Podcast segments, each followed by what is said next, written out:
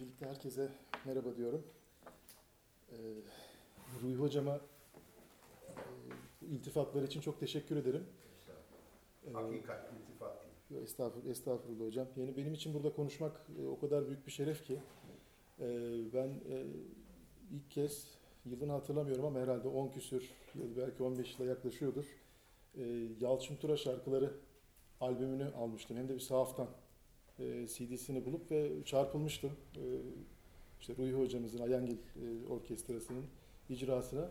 Yani o zamanlar Ruhi hocamın hani telefon açıp beni bir yerde konuşmaya davet edeceğini aklımın ucundan e, geçmezdi. Onun için de geliyorum. Estağfurullah. Onun için yani burada e, bana bu fırsatı veren başta Ruhi Hocam olmak üzere emeği geçen e, Salih arkadaşımız, dostumuza herkese çok teşekkür ederim. E, çünkü yani sonuçta e, bizim bu yazmamızın, çizmemizin sebebi e, yazdıklarımızı tartışmaya açmak. Yani ben burada e, kendimi ders veren, insanlara bir şey anlatan, bir şey öğreten bir pozisyonda görmüyorum. Hepimiz e, müzikle ilgileniyoruz. Etrafımızdaki gelişmeleri yorumlamaya, analiz etmeye çalışıyoruz ve birbirimize yorumlarımızı, bilgilerimizi paylaşıyoruz. Bu tip toplantılar onun için çok faydalı. Biz de farklı bir bakış açısı eğer becerebildiysek sunuyoruz. Bunu tartışmaya açıyoruz. Geri dönüşleri almaya çalışıyoruz. Şimdi benim bugünkü konum biraz böyle alengirli bir başlık. İşte oryantalizm, öz oryantalizm e, ve Türk müziği.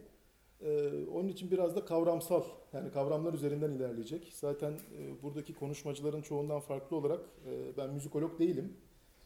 E, bir konservatuvar eğitimi, formal eğitimim yok. E, Bakırköy Musiki Vakfı Konservatuvarı'nda yarı zamanlı e, konservatuvarında bir müzik eğitimi gördüm. Özel hocalardan işte nazariyat, repertuar, işte usul ve makam dersleri aldım ama bunlar hep bir amatör, heveskarın e, çalışmaları. Onun için benim burada sunacağım perspektif daha çok sosyoloji, yani sosyal teorinin kavramlarıyla müzik tartışmalarını yorumlamak üzerinden olacak. Burada en önemli kavramlardan birisi işte oryantalizm. Yani özellikle e, Ruhi Hocam da söyledi Gökalp'ten beri, belki Gökalp'in de öncesine gidersek 19. yüzyıldan, 2. Mahmut'tan beri biz aslında Doğu, Batı, Türklük üçgeninde bu müziğin kimliğini tanımlamaya çalışıyoruz. Onun için bu kimlik tanımında aslında oryantalizmin ürettiği bilgi, söylem son derece etkili olmuş. Şimdi oryantalizm bir açıdan baktığınızda e, Doğu-Batı ilişkisinin bir ürünü. Ama bunu belki tersinden ifade etmek daha doğru. Çünkü Doğu-Batı ayrımı hakkında bizim ürettiğimiz bütün klişeler, bütün imgeler, yani Doğu-Batı deyince aklımıza gelen sembollerin hepsi aslında oryantalist söylemin ürünü. Yani yumurta mı tavuktan, tavuk mu yumurtadan çıkıyor hikayesine benziyor ama yani bu Doğu Batı ayrımı mı oryantalizmi yarattı yoksa oryantalizm mi Doğu Batı ayrımını yarattı dersek ikisinin de haklılık payı var. Yani o, hatta ikincisi belki daha doğru. Bu oryantalist söylem çünkü tarif etti Doğu nedir, e, Batı nedir diye. Burada bir tartışma vardır zaten sosyal bilimlerde. Temsil, temsil dediğimiz şey e, işte bir aslında bir nesnenin e, farklı sembollerle, imgelerle e, anlatılması. Acaba temsil nesnesini yansıtır mı yoksa bizzat o temsil mi o nesneye mevcudiyet kazandırır? İşte Edward Said işte ilk defa Foucault'dan ilhamla dedi ki aslında bu doğu batı meselesinde bir doğu imgesi var oryantalistler tarafından yaratılan. Bu aslında bir nesneni yansıtan bir temsil değil. Aksine o doğuyu kuran zaten bu temsil.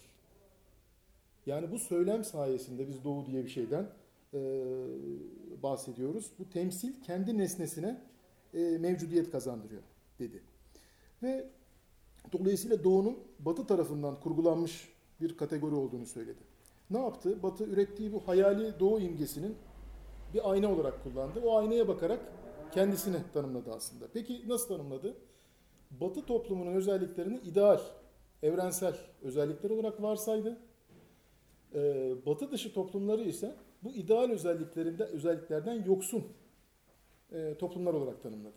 Yani kendisini merkeze alarak bütün toplumları tanımlamaya başladı. Mesela Batı'yı akılla, özgürlükle, ilerlemeyle, değişimle, işte rasyonel düşünme yeteneğiyle, bilimle, dinamizmle, sosyal değişimle, çalışkanlıkla, demokrasiyle, hoşgörüyle, e, farklılıklara müsamaha göstermekle, Buna benzer olumlu değerlerle özdeşleştirdi. Karşılığında Doğu toplumlarında bunun tam zıttı olarak, ikili karşılık olarak tarif etti. Yani Batı'da akıl varsa işte Doğu'da duygu vardır.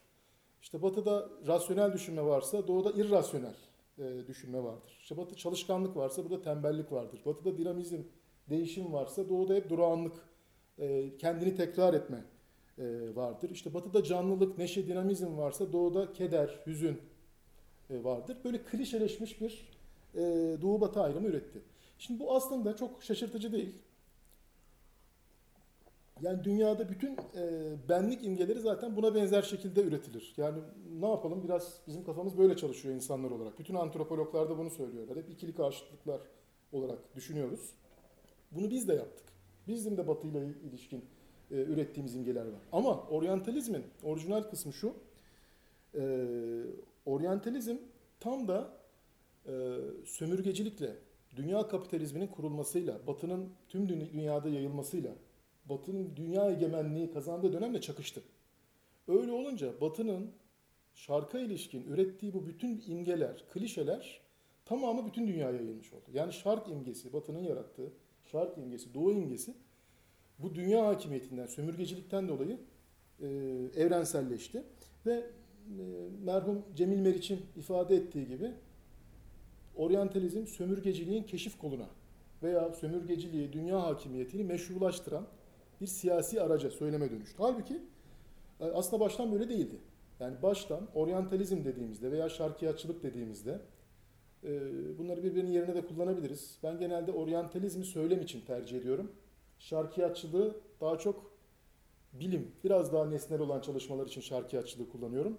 Bu ama benim, keyfi tercihim. Şimdi Edward Said'e kadar oryantalizm deyince daha çok biz şunu anlıyorduk. Yani doğu hakkında üretilen her tür bilgi. Ki bunlar da çok değerliydi. Hani bugün oryantalistleri adeta biz küfür gibi kullanıyoruz ama oryantalistlerin e, ürettiği bilgiler çok kıymetli. Bizim müziğimiz açısından da öyle. Yani birçok yazılı belge oryantalistlerin gözlemlerine, metinlerine dayanıyor. Tek bir örnek verebilirim. Ee, yani sömürgeciliğin keşif kolu falan diyoruz ama tek motivasyonları bu değil de tabii ki oryantalistlerin. Mesela Mısır'ın hieroglif yazısını oryantalistler çözdü. Yani biz e, bin küsur yıl üzerindeydik. Bunu merak etmedik. Gerçi bununla ilgili çalışmalar yapıldı. Kayıp Bin Yıl diye bir kitap vardır mesela. Müslümanların Mısır'a ilişkin çalışmaları. Ama yine de e, biz Müslümanlar bu hieroglif yazısını çözemedik. Napolyon'la beraber gelen oryantalistler çözdü. Bu inkar edilmez bir şey. Gerçekten burada merak e, söz konusu. Ama Edward Said'den sonra bu meraktan, nesnel bilgiden öte bir iktidar ilişkisinden söz ettik. Bu da Foucault'dan kaynaklanan bir görüş. Çünkü Foucault şunu dedi. E, söylem dediğimiz şey ötekini tanımlıyor. Ve tanımla, kim tanımlıyorsa tanımlanan üzerinde bir iktidar kuruyor. Yani Doğu hakkında bilgiyi üreten Batılılar ki güçlü bir pozisyondaysa, bu söylemi onlar üretiyorlarsa aynı zamanda onlar üzerinden de bir tahakküm kuruyorlar. Veya kendi tahakkümünü, iktidarını meşrulaştıran e, bir bilgi birikimine yol açmış oluyor. Mesela az önceki ayrımları düşünelim. E, batıyı akılla, bilimle, diğerini akıl dışılıkla, duyguyla özdeşleştirdiğiniz zaman bilimsel faaliyet alanının otoritesi otomatikman batıya geçmiş olur. Ya bu ayrımı kabul ettiğiniz anda. Veya batıyı değişimle, dinamizmle, doğuyu e, durağanlıkla, tembellikle veya bunu olumlu tırnak içinde de tarif edebilirsiniz. İstikrar da diyebilirsiniz buna. Yani bazen biz öyle yapıyoruz çünkü tersinden iyi bir şey olarak söylüyoruz. Biz hiç değişmedik. Bin yıldır hep aynıyız. Övünerek de söyleyebiliriz bunu. Ama bunu dediğiniz zaman aynı zamanda şunu diyorsunuz. Değişmek istiyorsanız batılılaşmak zorundasınız. O zaman değişmek de batılılaşmakla özdeşleşmiş oluyor. Böylece e, şöyle bir tarif yapılıyor. Batı sağlıklı olan, normal olan, ideal olan norm, doğulu özellikleri bir toplumun hastalık, sakatlık, eksiklik. E, bunu düzeltmek için, değiştirmek için de tek yol o zaman batılılaşma olarak kalmış oluyor. E bu da dünyadaki e, batı egemenliği, işte sömürgeciliği doğrudan meşrulaştıran bir şey. Şimdi burada Edward Said bazı ayrımlar yapıyor oryantalizmle ilgili. Birincisi açık oryantalizm, manifest oryantalizm dediği. Yani açık oryantalizm şu, doğrudan ismini vererek yani batı üstündür, doğu kötüdür diye doğrudan isim vererek şarktan bahsetmek, e, batıdan bahsetmek bu açık oryantalizm diyor Edward Said. Şimdi bir de gizli oryantalizm var. Edward Said'in tarif ettiği. Gizli oryantalizm ise şu, Burada batıdan doğudan hiç söz etmiyoruz. Ama batılı toplumlara has, onun tarihsel sürecinin ürünü olan kurumları evrensel, ileri, e, en gelişmiş teknik, teknoloji olarak görüyoruz. Dolayısıyla hiç e, farkında olmadan, hiç batıdan bahsetmeden batılı kurumlara bir öncelik, üstünlük e, sağlamış oluyoruz. Şimdi bunun arkasında da bunu meşrulaştıran belli sözde bilimsel görüşler var. Bunun en temeli, hocam da söyledi, August Comte'tan beri başlayan pozitivizm. Bu pozitivizm ve onun türevleri tek çizgili bir ilerleme anlayışına dayanıyor. Mesela çizgisel denir aslında çok doğru değil çizgisel. Tek çizgili daha doğru. Çünkü bütün toplumları tek bir skala üzerine koyuyor pozitivizm. Ee, mesela Levi Strauss bunu çok güzel eleştirir. Der ki, e, özellikle İkinci Dünya Savaşı sonrası, biz hepimiz bugün işte Nazi deneyimini yaşadık, İkinci Dünya Savaşı deneyimini yaşadık, ırkçılığı eleştiriyoruz. Ama bütün düşünce kategorilerimiz batıda aslında ırkçılığı besleyecek kategoriler der Levi Strauss. Neden? Çünkü biz kültürler arası farklılıkları görüyoruz. Bunu görmemek mümkün değil. Mesela müziğe bakıyorsunuz. Her milletin müziği az çok birbirinden farklı. Kültürel özelliklerine bakıyorsunuz birbirinden, birbirinden farklı. E bu da doğal. Ama bu kültürel farklılıkları tek bir skala üzerine koyduğunuzda şöyle bir görüntü ortaya çıkıyor.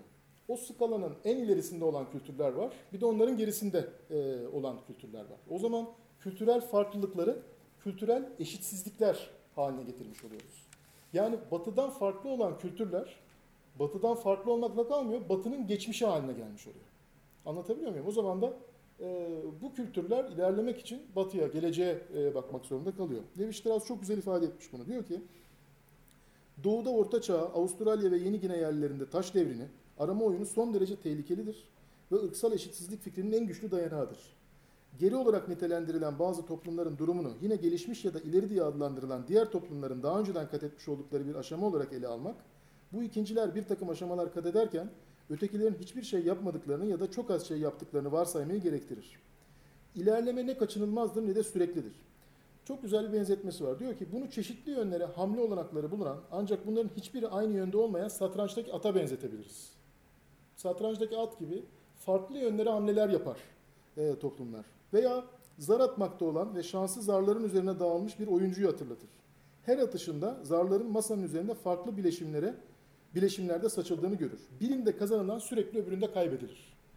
Yani gerçekten toplumlar belli tercihler yapar. Belli özelliklerini geliştirirken belli özellikler geriler aslında. İlerleme dediğimiz tek bir çizgide hareket eden bir şey değil. Az sonra belki bahsetme fırsatı bulamam. Şimdi aklıma gelmişken söyleyeyim. Müzik mesela öyle.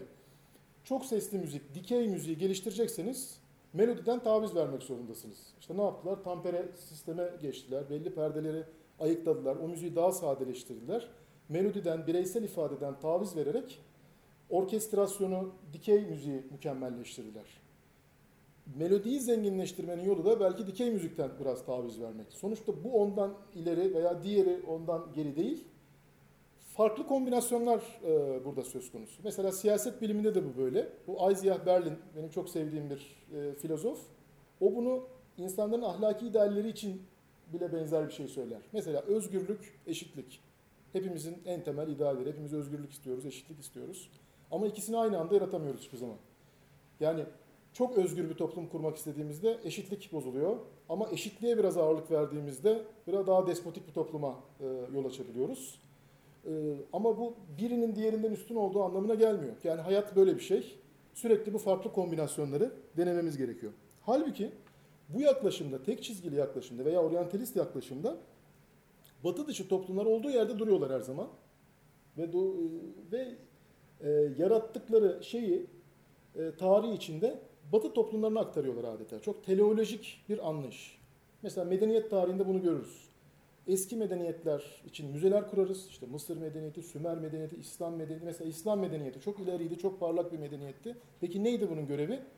Yunan e, felsefesini batıya aktarmak. Ve onu aktardı ve bitti. Yani artık o geçmişte kaldı. O görevini yerine getirdi ve ondan sonra da hiç değişmedi. Hiçbir şey olmadı. Değişim, dinamizm batıda devam ediyor. Bunu Arif Dirlik çok güzel ifade ediyor. Oryantalizmin bu tarih dışı kültür anlayışını. E, Arif Dirlik'i de geçtiğimiz yıl kaybettik. Tanımayanlar için kısaca bir e, parantez açayım. Arif Dirlik burada sanıyorum mühendislik okumuştu. Türkiye'de sonra nükleer fizik okumak için Çin'e ve Amerika'ya gitti. Orada Çin anarşizmine merak saldı. Oradan e, dünya sistemlerini inceledi, oryantalizmle ilgili çalıştırmalar yaptı ve dünya çapında bir e, sosyal bilimci oldu, sosyal teorisyen oldu. Yani o Wallerstein'larla, Edward Said'lerle beraber aynı grupta, aynı masada e, oturan, işte Edward Said'in kitabını eleştiren, onun kitabında Edward Said'in kendisine cevap verdiği birisi ama askerliğini yapmadığı için Türkiye'ye dönemedi. E, bedelli askerliği yapmayı da reddetti. Böyle yani prensipleri vardı. Biz hatta bir kitabını derlemiştik Salyangoz yayınlarından. E, küresel modernite kavramı hala tüm dünyada kullanılır. E, bu kısa bilgiden sonra Arif Dirlik'ten bir aktarma yapacağım. Diyor ki Arif Dirlik, oryantalizm toplumsallık ve tarih dışı bir kültür kavramına yol açar. Bu kültür kavramı, kültürün süre giden tarihsel bir faaliyet olarak üretilmesinde rol oynayan toplumların arasındaki ve içindeki ilişkileri gizler. Sözüm ona şarklı toplumlara aynı anda hem uygarlıktaki başarıları nedeniyle hayranlık duyulacak nesneler hem de geçmişe ait fosilleşmiş kalıntılar olarak gösterir. Tarihin yerine kültürü koyar. Burada kültürden kasıt bir öz. Değişmeyen bir öz olarak kültürü koyar. Halbuki tarih değişim demektir. Bu toplumlar fosilleşmiş kalıntılara dönüşür. Mesela bugün de bunu tersinden görüyoruz. Kendini şarkılaştırmanın farklı boyutları var. Bugün biz medeniyetimiz deyince hep geçmişe bakıyoruz. Bugün mesela çok moda. Yerlilik, millilik, medeniyetimizi ihya etmek falan. Ama bahsettiğimiz şey hep geçmişte kalmış bir şey. Bunu ihya etmeye çalışırken bile. İşte bu fosilleşmiş bir kalıntı olarak algıladığımızı gösteriyor batı dışı kültürleri. Diyor ki Dirlik, çünkü artık gerçek bir tarihsellikleri kalmaz. Bugünlerinin geçmişlerinin yeniden üretilmesinden başka bir şey olmaması sebebiyle gerçek bir e, çağdaşlıkları da kalmaz. Şimdi bu oryantalist söylem peki müziğe e, nasıl uygulanmış? Ondan da birkaç örnekle ilerleyeceğim inşallah. Saat almadım. Beni uyarmanızı diliyorum. Biraz çenem düşüktür çünkü. Ee, şimdi müzik tarihi kitaplarında da aslında benzer bir şey görürüz. Dünya müzik tarihi anlatılırken. Basitten karmaşağa doğru giden e, bir serüvendir. Ve basit olan formlar genelde tek sesli müzik veya makam müzikleri bu basit ilkel formlar olarak gösterilir.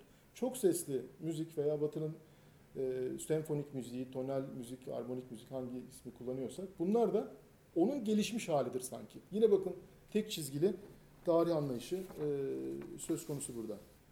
Mesela pentatonik dizilerle ilgili araştırma yapılır. Denir ki bunlar yedi sesli gama henüz evrilmemiş eksik diziler. Dolayısıyla niye değerli? tonal batı müziğinin geçmişteki ilkel bir numunesi olduğu için. Ee, her müzik yine adeta modern batı müziğinin oluşumuna kaynaklık etmek üzere tarih sahnesine çıkar ee, ve olduğu gibi kalır. Ee, daha sonra değerini kaybeder. Mesela Mahmut Ragıp Gazimyer'e göre bütün Avrupa musikilerinin menşeini şarkta aramak gerekir. Şimdi bunu duyunca önce bir insan böyle gururlanır.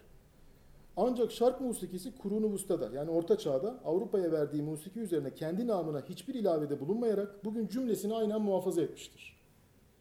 Mesut Cemil Bey'de de var aynı. Diyor ki işte bütün batı sazlarının kökeni Orta Asya ama e, bu bizim hatta Türk müziği sazlarının tamburu da katıyor bunun içine. Bunlar Orta Çağ sazıdır. E, yani bugüne hitap eden sazlar değildir artık. En mükemmel, en gelişmiş hallerini e, batıdaki sazlarda işte ud orada gitara dönüşmüş orada daha standartlaşmış e, enstrümanlar. Dolayısıyla der ki mesela Mahmut Ragıp Gazimer, Alaturka'nın kemiyet itibariyle değilse bile keyfiyet itibariyle Garp Kurunu ustasının yerli musikilerinden hiçbir farkı yoktur.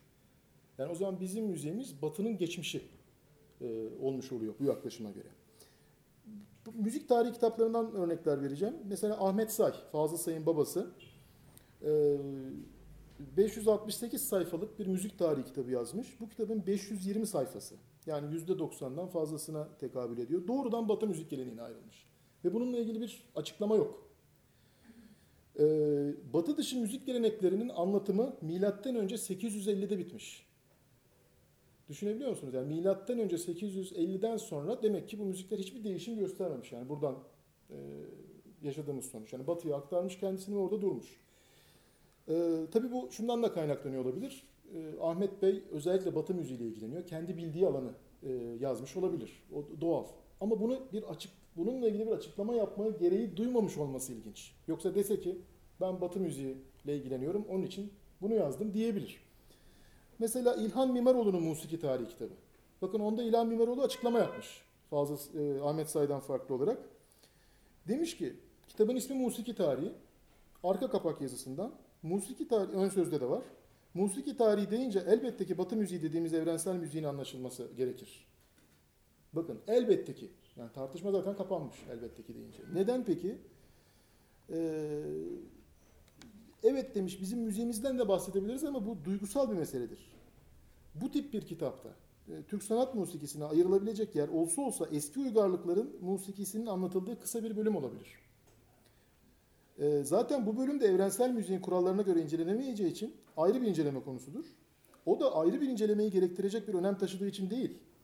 Yalnızca toplumumuzun bir gerçeği olması bakımından. Yani o müzikte olup bitmiş, geçmişte kalmış bir müzik. Şimdi bu mantık e, tabii yaygınlaşınca o zaman şuna yol açıyor. Biz kendi müziğimize bakarken de o zaman müzik tarihimizi ikiye ayırıyoruz. Batı müziğinin girişinden önce, Batı müziğinin girişinden sonra. Batı müziğinin girişinden önceki hiç değişmeyen bir dönem. Ki biz Türk müziğini sevenlerin bile çok sık yaptığımız bir hata. Yani sanki 19. yüzyıldan önce müzik hep aynıydı. Hiçbir şey değişmedi.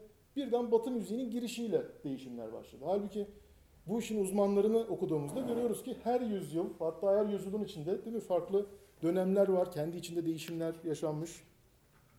Peki bu Batı müzik Batı klasik müziğini ayrıcalıklı kılan, üstün kılan şey ne? Yani bununla ilgili belli herhalde müzikolojik argümanlar olmalı diye düşündüm. Ee, üç, e, aslında şöyle bir şey var. Burada bir totoloji var. Batı müziğini incelemek için doğan bir disiplin müzikoloji Batı'da. E şimdi totoloji de şu. E bu Batı müziğini incelemek için doğmuş. Onun kurallarına göre oluşmuş. Onun olmadığını da geri olarak, e, onun olmadığı müzik geleneklerini de ilkel, farklı, eski, geri olarak tanımlaması zaten totolojik bir şey. Yani bizim şöyle yapmamıza benzer. Hani Türk müziğini e, anlamak için e, yazılmış edvarlarla Batı müziğine bakıp ha bunda şu yok, bunun, işte bu hüzzamı yok, segahı yok, onun için bu geridir, ilkeldir dememize benzer bir şey. Bu bir tam bir e, totoloji aslında. Peki hangi temel e, argümanlar var? Bir, birincisi genellikle deniliyor ki Batı müziği doğaya daha uygundur. Yani tabidir. Bakın bu Gökalp'te de var maalesef bu iddia. İkincisi daha karmaşıktır. Üçüncüsü çok farklı, çeşitli duyguları hitap etme yeteneğine sahiptir. Yani bu üç temelden dolayı Batı müziği daha üstün bir müziktir deniyor. Peki bunları nasıl değerlendirebiliriz? Bir, Batı müziğinin doğaya uygun bir sistem olması. Bir kere bu yani sosyal bilim okuyan bir insan için aslında çok absürt bir iddia. Çünkü müzik doğal bir şey değil zaten. Yani müziğin kendisi, kültürel ürünlerin hiçbirisi doğaya uygun, doğaya uygun olmayan falan diye e, sınıflanamaz. Yani doğa dediğimiz, evet müziğin bir fizik tarafı vardır. Burada Orçun çok güzel bir e, sunum yapmıştı e, geçen ay. Evet bunun bir fizik tarafı var.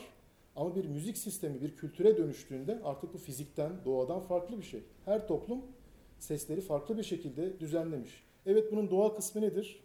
Ee, yani cahilane bir şey söylersem lütfen düzeltin. Benim anladığım kadarıyla mesela Orçun'un da e, anlattığı neydi? İşte bir, birli, beşli, sekizli. Tek doğal kısmı bu benim anladığım kadarıyla. Yani bütün evrensel olan işte o doğuşkanlar e, veya birlikte duyabildiğim, fiziksel olarak saptayabildiğimiz, tespit ettiğimiz beşli ve sekizli. Tamam ama müzik sistemleri bundan ibaret değil ki. Diğer aralıkları nasıl üretiyoruz? Diğer aralıkların hepsinde kültürlerin tercihleri söz konusu. Evet beşliden ilk bu ilk matematikten bu matematiksel orandan türetiliyor ama çok farklı e, noktalar. Mesela bizdeki ikinci derece işte segah e, bildiğim kadarıyla Rauf Yekta Bey'de natural olarak ifade ediliyor. Ki bizim bağlamalarımızda da e, yani öyledir. Hani si deyince bizim anladığımız perde segah e, perdesidir. Ama Batı müziğe girdikten sonra biz bunu arızalı bir perde olarak görüyoruz. Çünkü normalini bakın başta söylemiştim ya normal anormal sağlıklı hasta normali si natüreldir. Natürel olan doğal olan si işte bozuk olan segah gibi. Halbuki öyle değil. Ne o e, doğal ne de diğeri. İkisi de doğal. Yani İkisi de o kültürün içinde hangi sistem içinde tarif ettiğinize e, bağlı olarak değişen bir şey. Onun için e, bir kültürel özelliği doğal olarak sınıflandırmak bir kere metodolojik olarak doğru değil. Hiçbir müzik sistemi doğal değil. Türk müzik sistemi de geçerli. Yani doğal değil derken şunu kastediyorum. Hepsi insan ürünü. Hiçbirisi doğanın bize hazır olarak verdiği bir sistem değil. Şimdi ikincisi daha karmaşık olduğu tezi. Bunun altında da bir varsayım var. Daha karmaşık olan daha ileridir, daha üstündür. Niye böyle olsun? Yani basit olan illa daha geri, e, daha kötü durumda mı olmak zorunda? Eğer öyleyse bunu Batı müziğine uyarladığımızı düşünelim. Tonalite ne kadar büyük değişimler yaşadı her yüzyılda. Bach'ın ki herhalde bunun çok daha geri bir aşaması. Biz e, bir Mahler'in müziğiyle, Schönberg'in müziğiyle, Stravinsky ile kıyasladığımızda e, Bach'ınki çok daha geri bir aşamaya temsil, e, temsil ediyor. Ama herhalde hiç kimse Bach'ın müziğinde kullandığı tonalite daha basit diye Stravinsky Bach'tan üstündür falan demiyordur. Yani bunu savunan yok. Ama aynı şeyi e, müzik gelenekleri için konuştuğumuzda karmaşık olan basit olandan daha üstündür diyoruz. İkincisi farz edelim ki bu doğru. Karmaşık olan daha üstün olsun. Neye göre belirleyeceğiz karmaşık ve basit olanı? Evet bir dikey müzik olarak Batı müziğinin daha karmaşık olduğu aşikar. Orkestrasyon açısından daha karmaşık olduğu aşikar. Ama mesela Türk müziğinin de usullerini düşündüğümüzde ritmik kalıpları Batı müziğine göre çok daha karmaşık. Veya ezgisel gelişim, makamsal e, seyir, o da Batı müziğinin diyelim bir senfoninin ezgilerini incelesek e, aklıma işte 7. senfoni geliyor. 7. senfoninin ana teması Beethoven'ın neredeyse tek nota. Yani arkadaki orkestrasyonu duymazsak tek sesli olarak icra etsek tek bir notadır neredeyse. Ee, evet onun orkestrasyonu daha karmaşıktır ama ezgisel gelişimi e, diğerinden daha karmaşık değil. Ee, aynı zamanda mesela bir e, Hint müziği dinlemiştim. Biraz da bu bilgiyle ilgili bir şey. Ee, bunun ritmik kalıplarını e, almışlar. Fibonacci oranlarına göre ilerliyor. Yani eşit olmayan Fibonacci sayısına altın orana göre Pascal üçgenine e, göre devam eden çok karmaşık ritmik kalıpları var. Bunu bildiğiniz zaman onun karmaşık olduğunu görebilirsiniz. Türk müziği de aynı şey geçer. Bir darbe fetih eseri e, dinlediğinizde usul bilmiyorsanız e, dümtek musikisi diye dalga geçebilirsiniz ki geçiliyor. Ama o usulün karmaşıklığını bilenler için e, hiç de basit bir olayın orada e, söz konusu olmadığını bilirsiniz. Üçüncüsü e, duyguları ifade etmek açısından e, daha elverişli bir müzik olduğu iddia ediliyor Batı müziğinin. Şimdi bu da aynı bir sos metodolojik problem. Bir kere her müzik geleneğinde anlam yani o müziğin icra edildiği toplumun sembolik sistemi içinde bir şey ifade eder. Yani siz dışarıdan her müzik geleneğindeki farklı duyguları analiz edemeyebilirsiniz. Onun için bir müziğin kendiliğinden daha çok duyguyu ifade edebilmesi diye bir şeyden e, söz edemeyiz. Burada tam e, şarkıya açılığın homojenleştirmesini görüyoruz. Mesela batı, batı dışı müzik gelenekleriyle ilgili hep söylenen bir şeydir. İşte bu müzikler hep acı, hüzün, keder, den bahseder, yavaştır, uyuşturur, tembelleştirir. Ya halbuki bu tam bir oryantalist klişe. Yani baktığımızda burada da oyun havası yok mu? Var. Askeri müzikler var mı? Var. Neşeli müzikler, coşkulu müzikler, cengaverlik aşılayan müzikler. Aynı şekilde Batı müziğinde de böyle. Yani Batı müziğinde de bir romantik dönem müziklerini inceleyip ne kadar kederli bir müzikmiş bu, insanı hüzne boğuyor demiyoruz. Ama aynı klişeleştirmeyi genelde batı dışı müzik gelenekleri için yapıyoruz. Ama bu argüman çok kullanılan bir argümandır. Mesela 1926'da Darülela'nın Türk müziği bölümünün kapatılmasının gerekçesi olan Musa Süreyya'nın raporu vardır. O raporda bile geçer bu ifade. Yani niye Türk müziğinden vazgeçiyoruz? Çünkü Türk müziği sadece mahdut hisleri, sınırlı duyguları ifade etmeye izin veren bir müzik. Halbuki modern toplumda biz çok daha fazla duyguyu ifade etmek istiyoruz ama biz sadece keder, hüzün, Bunları ifade edebiliyoruz Türk müziğiyle. Onun için terk etmeliyiz deniyor. Şimdi bunlara baktığımızda aslında hepsi müzik dışı e, argümanlar. E, mesela başka nelerle özdeşleştiriliyor Batı müziği? Özgürlük, demokrasi, ilerleme, bilim gibi kavramlarla özdeşleştiriliyor. Mesela Saadettin Arel'in kitabında Jules Rouanet idi galiba. Hocam Fransızcası olan e, Rouanet diye okunuyor olması lazım. Rouen, Rouen mu? Ruan, e, kusura bakmayın. E, mesela Müslüman müziği olarak adlandırıyor e, işte bizim müziğimizi ve diyor ki buradaki tek seslilik Sami ırkının çokluğa akıl erdiremeyişinden, tevhid inancından kaynaklanır. Ve hareketsizlik, notasızlık gibi şeyler ise Kur'an ayetlerinin değişmezliği inancından kaynaklanır. Keder ve hüznün ön planda olması ise despot hükümdarlara karşı halkın çaresizliğinden kaynaklanır. Bu sadece e, e, Ruanda değil, e, birçok oryantalist metinde de gördüğümüz bir şeydir. Ve e, bazıları şöyle düşünüyor. Yani bunlar 100 yıl, 200 yıl önce de kaldı. Hayır. Bernard Lewis'ten bir bölüm aktarayım. Çok daha e, taze yazılmış. Yani bir herhalde 20 yıl önce yazılmış falan bir metin. Doğu toplumlarının çok sesliliğe alışık olmamasını sadakat ve itaate esas alan ilişkiler içinde olmalarına bağlar Lewis. Ee, ve der ki ortak bir amaçla farklı partiler çalan icracılar çok sesli e, müzikte vardır ve bu demokratik siyasete benzer.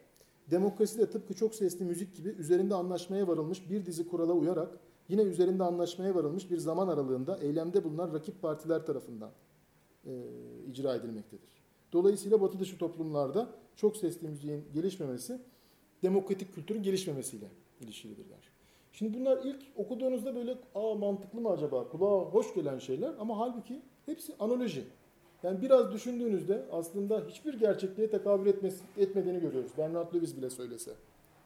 Ee, nereden? Yani çok basit örnekler gelebilir aklımıza. Yani bu batı çok sesliliği bir kere kilisede doğdu. Değil mi? Yani o ortaçağ karanlığı falan denilen. Mesela müsamahakar, işte farklı düşüncelere karşı toleransın simgeler derler çok seslilik. Engizisyon vardı. Veya e, Katolik Protestan Savaşı'nda yüz binlerce insan birbirini öldürdü. Çok sesli müzik e, dinleniyordu. Veya orkestraları mesela çok sesliliğin, demokrasinin simgesi olarak alabilir misiniz? Alabilirsiniz analoji olarak. Ama şunu da diyebilirsiniz. İşte bir tane orkestra şefi var. Bu da faşist bir lider gibi. Bütün farklılıkları bastırıyor elindeki sopayla. E bunu da diyebilirsiniz. Bu çok keyfi bir analoji. Bu şuna benziyor. İşte sonat 3'tür, 3 e, bölümlüdür. İşte bu teslis inancından gelir. E, işte bir senfoni o zaman 4 bölümlüdür. O da uyduralım bir şey. 4 İncil var, oradan gelir. Ya bunun sonu yok. Ve maalesef bu tersinden de yapılıyor. Biz bu sefer kendi müziğimizi benzer şekilde. Bizim müziğimiz tek sesli çünkü biz tek Tanrı'ya inanıyoruz. Tevhid inancına e, sahibiz e, deniliyor. E, işte veya biz e, perdelere isim veriyoruz. Çünkü o perdeler hepsinin bireysel bir özelliği var. Batı toplumları işte insanları zapturapt altına alıyor. Biz de onları serbest bırakıyoruz. Bunlar da manasız şeyler bence. Yani diğeri ne kadar e, yanlışsa bu da o kadar yanlış. Çünkü bu tip bunlar sadece benzetme. Edebiyat olarak güzel konuşurken e, bir e, edebiyat örneği olarak, bir benzetme olarak zihin açıcı olabilir, hoş bulabiliriz, güzel bir latife olarak gülebiliriz. Ama bilimsel bir çalışmada e, bu tip benzerlikler kurmak bence hiç doğru değil. Şimdi bu e, müzik bahsine bir ara verip başlıkta e, vaat ettiğim öz oryantalizm e, kısmına gelmek istiyorum. Tabii ne kadar vaktim var ona da bakmak bakayım. Sami Bey neredesiniz? Evet çok az vaktim kalmış. Hoca soruyor. Ne kadar vaktiniz var? 20 dakikamız. Peki 20 dakikada özetlemeye çalışacağım o zaman. Ee, şimdi bu Edward Said'in e, or, e, oryantalist söylem tanımında e, çok başarıyla yaptığı şey şu. E, şark imgesini Batılılar nasıl yarattılar ve bunu tahakküm iktidar için nasıl kullandılar? Evet bunu çok güzel ifade etti. Şarklıları nasıl sessizliğe ettikleri, susturduğunu söyledi. Ama şunu açıklamakta, mesela Arif Dirliğin eleştirisidir bu Said'e, şunu açıklamakta zorlandı e, Said. Şarkılar üretimine bizzat katılmazsa bu söylem nasıl meşruiyet kazanacak, nasıl hegemonya kazanacak? Yani Batılılar istediği kadar bu şark imgesini üretsin. Esas onun hegemonya kazanması için bizzat Doğuluların bunu benimsemesi lazım. Onun için Arif Dirlik diyor ki şarklılığın meşruiyet kazanması için şarkıların katılımına ihtiyaç var. Dolayısıyla e, Edward Said gibi diyor şarkiyatçılığı Avrupalıların yarattığı bir şey olarak görmeyelim. Tam tersi temas bölgelerinde ortaya çıkan bir şey. Bunu biz birlikte yarattık. Batı ile Doğu'nun temas ettiği bölgelerde bir yerli tarafı da var bu şarkiyatçı söylemi. Anlatabiliyor muyum? Yani Batılıların yaratıp bize dayattığı falan bir söylem değil. Batı ile temas edenlerin bazen aşağılık kompleksinden dolayı, e, bazen kendi konumlarını meşrulaştırmak için bizzat üretimine, üretiminde rol aldıkları bir söylem. Ee, tabii aynı zamanda bu şöyle bir şey. Doğu yalnızca batılı özne tarafından temsil edilmez diyor Meltem Ahıska. Onun için garbiyatçılık diye bir kavram geliştiriyor. Diyor ki öteki konumunu doldurup kendisi de konuşur Doğu Batı hakkında. Mesela bizim Cumhuriyet tarihinde böyledir. Doğu, Batı, Türklük tanımlarını biz doğrudan kopya çekmeyiz aslında Batı'dan. Biz bizzat kendimiz e, tavsiye ederiz. Hatta bazen Batı'nın bizimle ilgili e, tanımlamalarıyla da çatışır. Yani Batı'ya karşı batıcılık yaptığımız e, dönemler de olur. Bu bize bir özdenlik alanı açıyor. Mesela Arif Dirlik yine diyor ki Çin örneğinde batılılaşmış Çin'den değil, Çinlileşmiş Batı düşünce, düşüncesinden söz etmek lazım diyor. Bence çok radikal e, bir düşünce. Ki Türkiye'de de geçerli. Mesela biz hep batılılaşmadan söz ediyoruz. Bir batılılaşmış Türkiye'den. Aslında bir de Türkleşmiş batılılık var. Yani bizim bir tarif, tarif ettiğimiz bir batılılık var. Aslında o Türklükle iç içe geçmiş, Türkleştirilmiş bir e, batılılık. Peki bunu yaratan kim? İşte bunu öz oryantalizm, kendini şartlılaştırma, garbiyatçılık gibi kavramlarla e, tarif ediyoruz. Tabi bu aynı zamanda bir iktidar stratejisi. Nasıl bir iktidar stratejisi? Nasıl ki Batı ile Doğu arasında bir hiyerarşi varsa, eşitsizlik varsa, bu temas bölgelerinde Batı'ya ilk benimseyen elitler de, batılılaşmış elitle henüz batılılaşmış, batılılaşmamış olan toplumun geri kalanı arasında da bir hiyerarşi doğmuş oluyor. O zaman şöyle bir hiyerarşi var. En tepede Batı, onun hemen altında batılılaşmış elit, onun altında da batılılaşmamış toplumun geri kalanı. O zaman ilk batılılaşmış elitler bu söylemi üretirken bir yandan kendi iktidarlarını da e, meşrulaştırmış oluyorlar. Tabii bunun tersi de geçerli. Mesela e, Arif Delik bu örneği de vermiş, Çin örneğini veriyor. Bazen de elitler bu sefer şartlılığı kullanarak kendisine karşı her muhalefeti kendini şartlılaştırır diyor. Kendi, kendisine karşı her muhalefeti işte Batı'nın ajanı olmak, e, işte halkına yabancı olmak, monşer olmak falan gibi ifadelerle suçlar yine bir iktidar stratejisi işletir diyor tersinden. Yani bu doğu batı kategorileri aslında biraz bizim kendi konumumuzu e, meşrulaştırmak için kullandığımız e, söylemler. Türkiye'de de e, biz bunu yaptık. E, önce batıcı elit kendi toplumunun değerlerinden şüphe etmeye başladı. Sonra yeni benimsediği değerleri meşrulaştırma ihtiyacı hissetti. Toplumunun değerlerini hastalıklı olarak damgaladı. İşte bir kısmını. E, ama daha sonra da şöyle bir şey yaşadı. Bütün bu sürece biz niye girdik? Batılılaşma sürecine Türkiye'de. Aslında batıya karşı direnmek için. Şimdi işin en karmaşık tarafı bu. Biz batıya karşı direnmek için bir yol olarak benimsedik batılılaşmayı. Şimdi bu batıya karşı bir biz bilinci yarattı. Ama bir yandan da batı hem bir model hem öteki. İşte bu bence öz oryantalizme doğuran bir şey. Biz de öyle bir şey yaptık ki hem batılı hem Türk olmak formülünü hayata geçirecek bir şey e, bulmamız gerekiyordu. Onun için de dedik ki bir üçüncü ayna bulalım. Öyle bir ayna bulalım ki Türklüğün istemediğimiz, doğulu gördüğümüz, işte batı karşısında bizi aşağılık kompleksine sürüklediğini düşündüğümüz unsurlarını onun içine boca edelim. Mesela Araplık böyle bir şeydi. Mesela Fahri Rıfkı Atay şöyle tarif eder. Garplılaşmak Türkleşmektir. Çünkü Araplıktan kurtulmaktır. Biz Araplıktan kurtulmak için batılılaşıyoruz derdi. Şimdi bunun doğruluğu, yanlışlığı ayrı bir tartışma ama buradaki strateji batılılaşma ile Türkleşmeyi e, eşitlemek. Mesela Alaturka'da böyle bir şey. Türk müziği de benzer bir şeydi. Yani o üçüncü ayna mesela bir Osmanlı geçmişi. Zaman zaman İslam, işte zaman zaman şark dünyası hep bu üçüncü ayna olarak kullanıldı. Türklüğün istenmeyen taraflarının atılacağı bir e, alan olarak kullanıldı. Peki bu müziğe nasıl e, yansıdı? Müzikte bir Ziya Gökalp'i zaten hepimiz biliyoruz. Ziya Gökalp Batı müziğinin girişinden önce ve sonra diye ayırdı. Batı müziğinden girişinden önce de dedi ki biz şark medeniyetine dahildik ama bu medeniyette Bizans medeniyetiydi, Türk değildi. Bakın yine Batı Doğu Türklük üçgeninde Türklüğün istenmeyen bir özelliği, şarklı görünen bir özelliği varsa bu Türk değil diyoruz. O zaman Türklüğü de Batı ile uyumlu bir şekilde yeniden tanımlamaya çalıştı e, Gökalp. Dedi ki bu medeniyetin, şehir medeniyetinin, yüksek medeniyetin temas etmediği köylerde hakiki Türk kültürü var. Ve bu Türk kültürü aslında Batı ile daha uyumlu. Bunu da e, genelde işte pentatonizm tartışmaları, Türk tarih tezi hep biraz bu işe yaradı.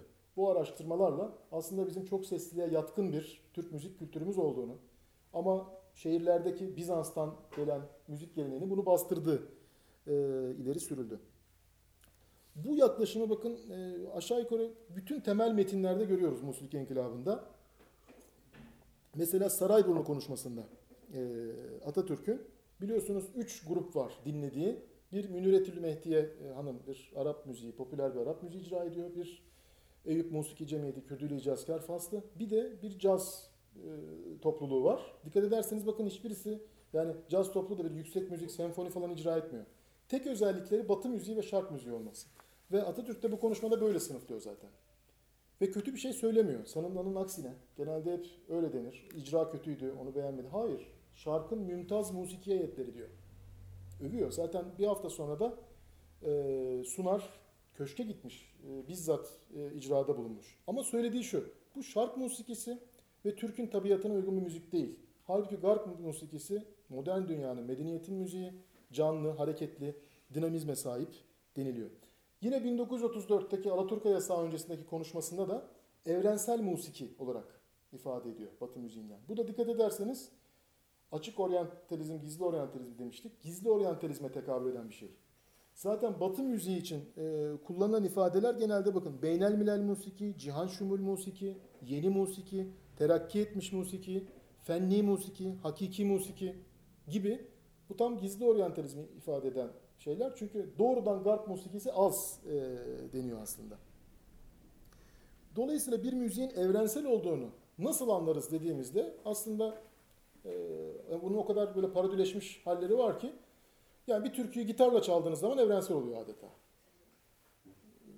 Yani evrensel veya ileri çağa uygun e, olmuş oluyor. Bakın çok yeni tarihli kitaplardan örnek veriyorum ki hani bu zihniyetin hala belli ölçüde devam ettiğini göstermek için. Mehmet Kaygısız'ın Musiki Tarihi kitabı.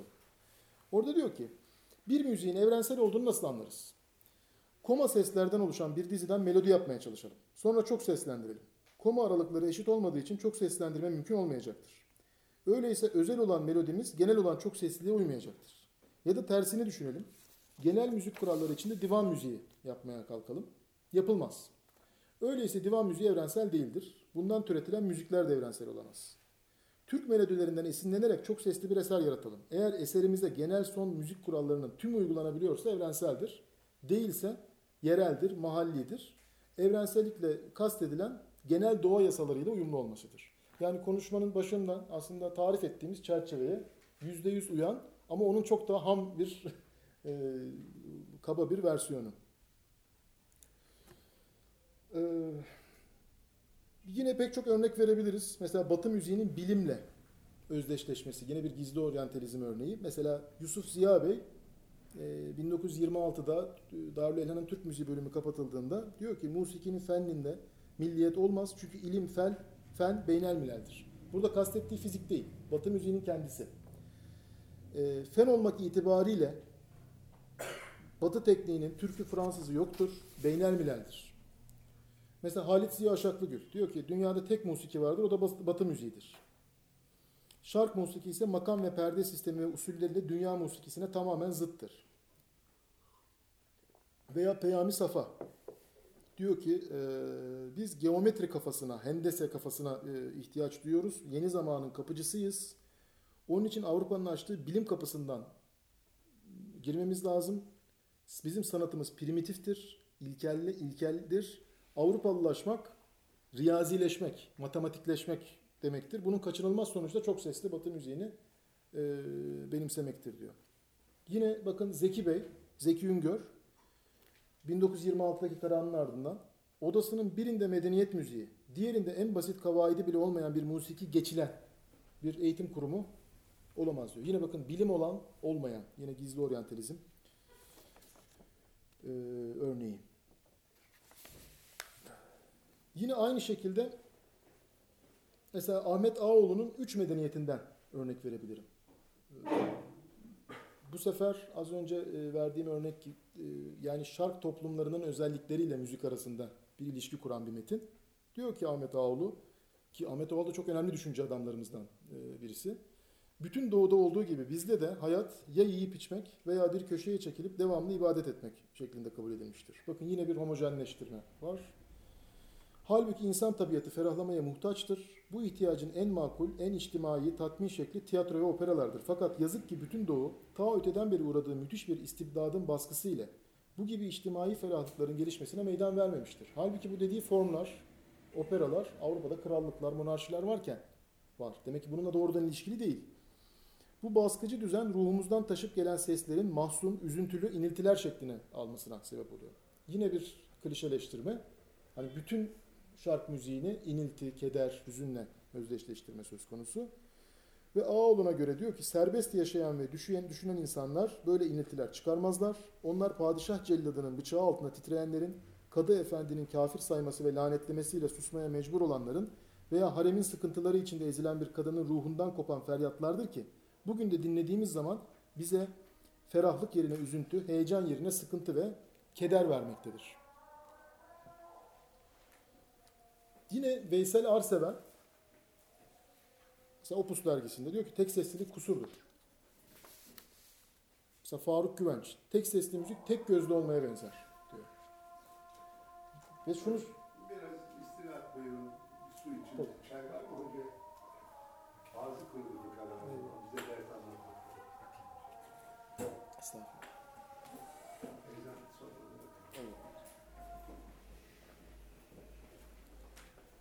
Açık olduğu için tereddüt ettim de.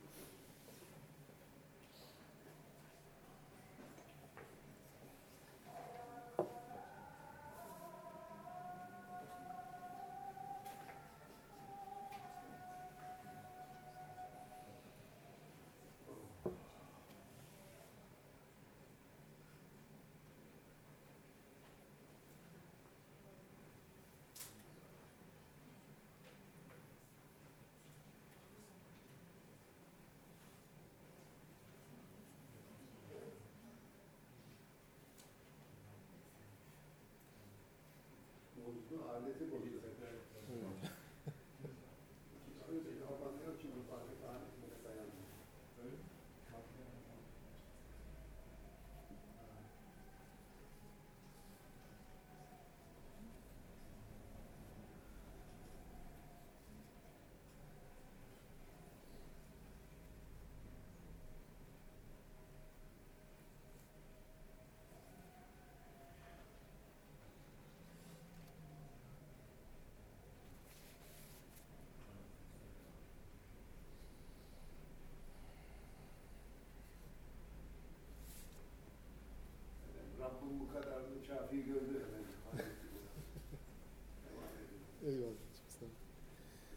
Şimdi en son e, Faruk Güvenç'ten bir şey söylemiştik. Tek sesli müzik tek gözlü olmaya benzer demiştik. Çok gülmüştüm bunu okuduğumda. Çünkü şöyle diyor. Bir insan canı istediğinde ilginçlik olsun diye tek gözünü kapatıp dünyaya bakabilir. Hani böyle bir serbestliği vardır. Ee, ama e, gözünüzü açıp iki gözünüzle birlikte bakamıyorsanız bu artık hastalıktır. Bir sakatlıktır. Onun için bizim müzik kültürümüz sakattır. Çünkü sadece tek gözle e, dünyaya bakabiliyor der. Şimdi burada aslında yine bir analoji söz konusu. Yani analojiye dayanan bir e, yanıltma söz konusu. Tek sesli, çok sesli ifadeleri bu tip analojiler kullanmaya, kelime oyunları yapmaya çok müsait. Ve aslında işte bilimsel terimler değil. Tek sesli, çok sesli diye bir terim yok aslında. Ama bunu böyle kullandığınızda çok sesli demokrasi, işte tek sesli despotizm falan diyebiliyorsunuz. Aynı şekilde şimdi düşünün, e, şöyle deseydik, e, mesela iki müzik sistemini kıyaslıyoruz. İki makamlı çok makamlı deseydik. İşte orada majör minör var, bizde ama çok makam var. Veya e, iki usullü çok usullü deseydik. Bunların hepsi eşit derecede yanlış. Ama e, mesela az perdeli çok perdeli deseydik. Bunlar da eşit derecede aslında yanlış ve ideolojik e, laflar olurdu. E, ama bunların hepsi aslında belli bir üstünlük, hiyerarşiyi e, savunmak için e, söylenen sözler ve bunların sayısız örneği var. E, ama benim sanıyorum yeteri kadar vaktim kalmadı. Onun için son şu e, şuna da e, temas etmek istiyorum. E, bu müzikte bir oryantalist kalıpların kullanılması, yani Said'in işte gizli oryantalizm dediği, açık oryantalizm dediği, içselleştirilmiş oryantalizm dediği kalıplar Türk müziğinde var. Ama bir de bize özgü, Türk oryantalizmine özgü bir şey de var. Mesela bunu en iyi belki e, Nurullah Ataç'la bizim Türk müziği söylemin genel resmi Türk müziği söylemini kıyaslarsak anlayabiliriz. Mesela Nurullah Ataç'ın çok güzel bir denemesi vardır. Prospero ile Caliban. Shakespeare'in meşhur oyunu, Fırtına oyunu üzerine. Bu arada garip bir şekilde o oyunu herkes sömürgecilik üzerinden analiz eder. E, Nurullah Ataç okumuş.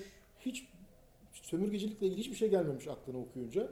E, orada çünkü bir Prospero vardır. E, işte bir batılı aristokrat işte bir adaya gider. Adada da yerli işte Caliban. E, Caliban'la değil Prospero ile özdeşleşir Nurullah Ataç orada. Neyse uzun uzun bahsetmeyeyim. Bunu ben e, M.S. Sezer'le ilgili bir kitabım vardı. Orada uzun bir şekilde analiz etmiştim. İşte Shakespeare'i, M.S. Sezer'i, Nurullah Ataç'ı kıyaslamıştım. Orada Nurullah Ataç şöyle başlar hikayeye, e, denemesine. Radyoda bir Alaturka duyar. Bundan e, tiksinti duyduğunu söyler. Yani açıkça kullandığı ifade bu. E, iğrenç bulduğunu söyler. Sonra der ki ama bu yargımı ben yüksek sesle söyleyemem. Çünkü duygulu, coşkun kimselerden birisi çıkıp ne demek Türk ulusunun sesi bu. Bize bizi söylüyor. Sen Türk değil misin ki bundan hoşlanmıyorsun diye, diyecek diye açıkça söyleyemem bu düşüncemi der.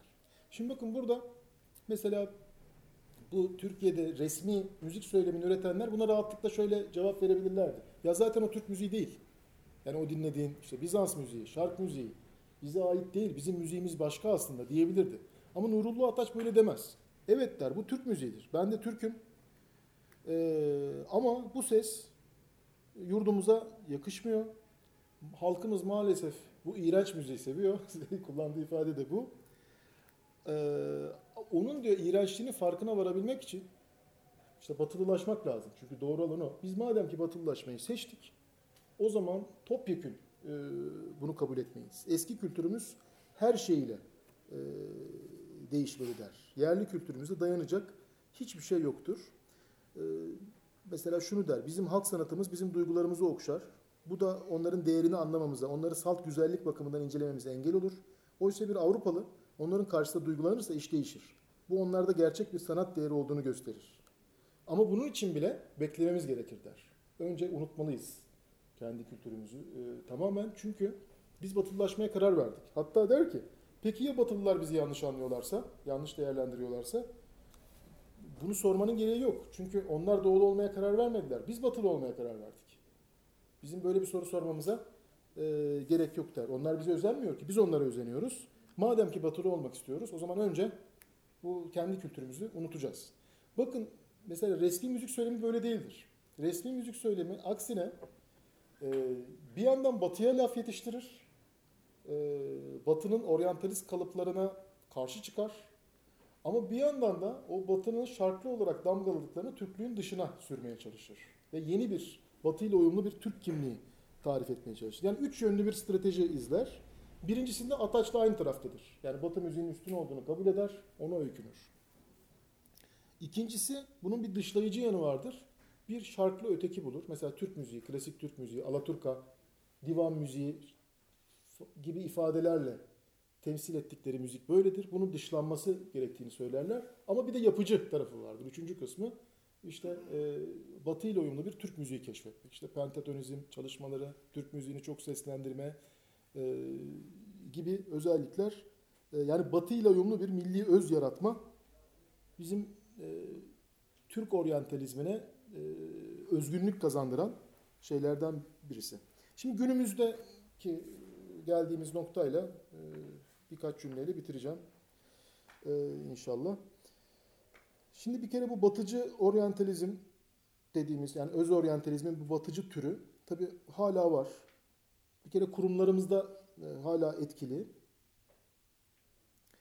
Ee, ama bunlar genelde durumdan şikayetçi ve geleceğe bakıyorlar sürekli. Yani sorduğumuzda hani Türkiye bir musiki inkılabı geçirdi. Peki bu batıcı öz oryantalizmi savunanlar siz memnun musunuz yapılanlardan dediğimizde pek memnun olan yok.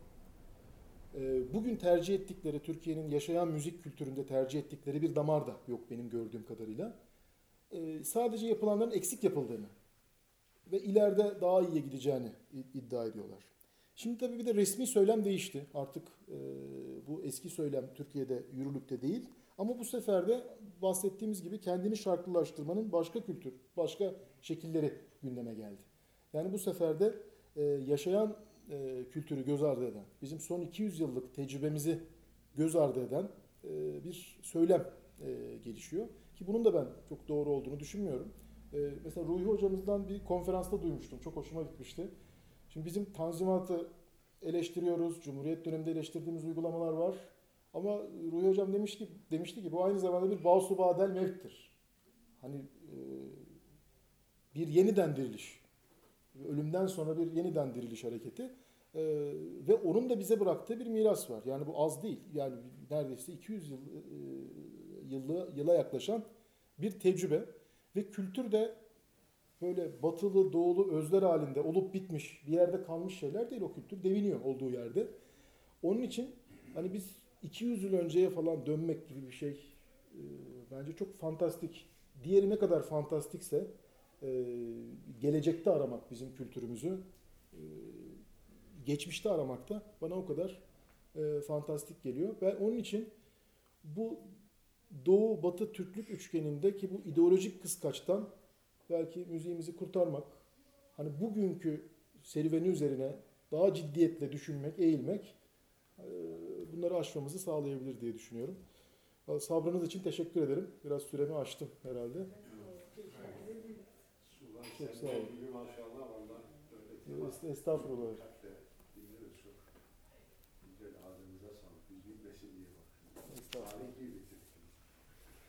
Şarj bitmiş çünkü.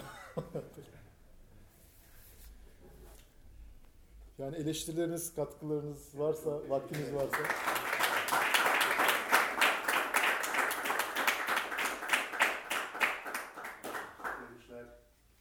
E, e, aşinası oldu, belki de aşinası olmadı bir kısmımızın. Bilmiyorum herkes tanır ama çok önemli noktalar. Yani Türkiye'nin hayati fikir e, şeylerinde, DNA'larında dolaştı hoca. E, son derece isabetli tespitlerle. Yani 200 yıllık hikayemiz. Tabii geleceğe yansımasıyla da belki e, bir 200 yılla daha tesir edecek bir hikayeyi e, teşrih masasına yatırdı. Son derece önemli kavramlar ve görüşlerle sizlerin dinamik katılımları, sorularınız, meraklarınız veya ilaveleriniz çok değerli olacaktır. Hoca sizindir. Evet.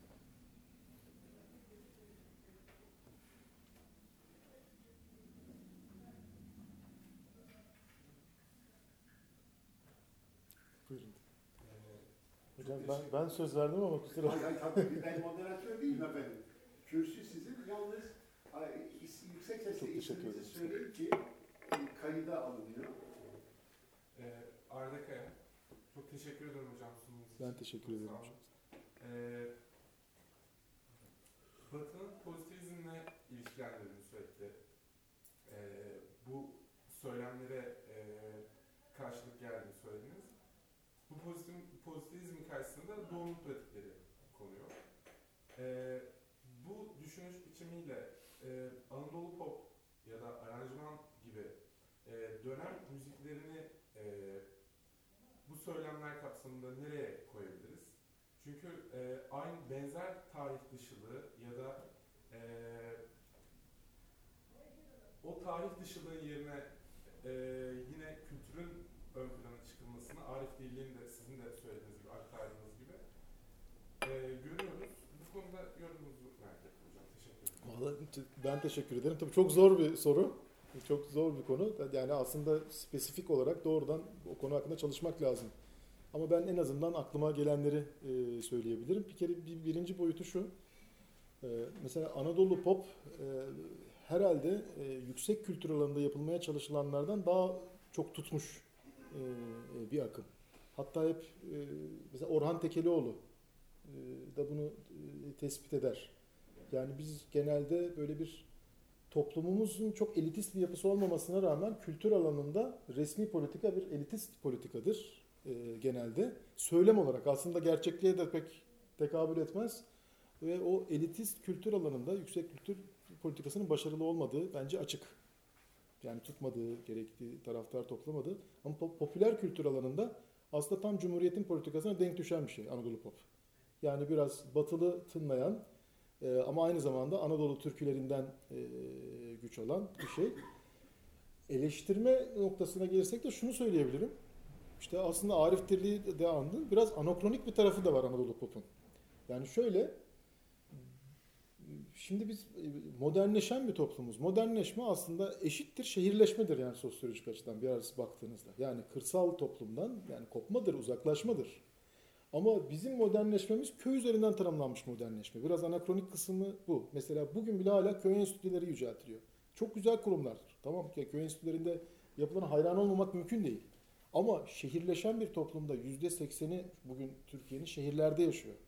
Yani bir köy enstitüsü diyelim modernizmi gerçekçi değil. Çünkü modern toplum şehirli bir toplum. Köy üzerinden örgütlenmiş bir toplum değil. Mesela Anadolu Pop'ta da biraz böyle bir şey var. Köy kültürünü sürekli vurgulama. Mesela arabeskte biz bunu işte anlayamadık. Arabeski uzun yıllar kimse arabeski bence analiz edememesinin sebeplerinden birisi o.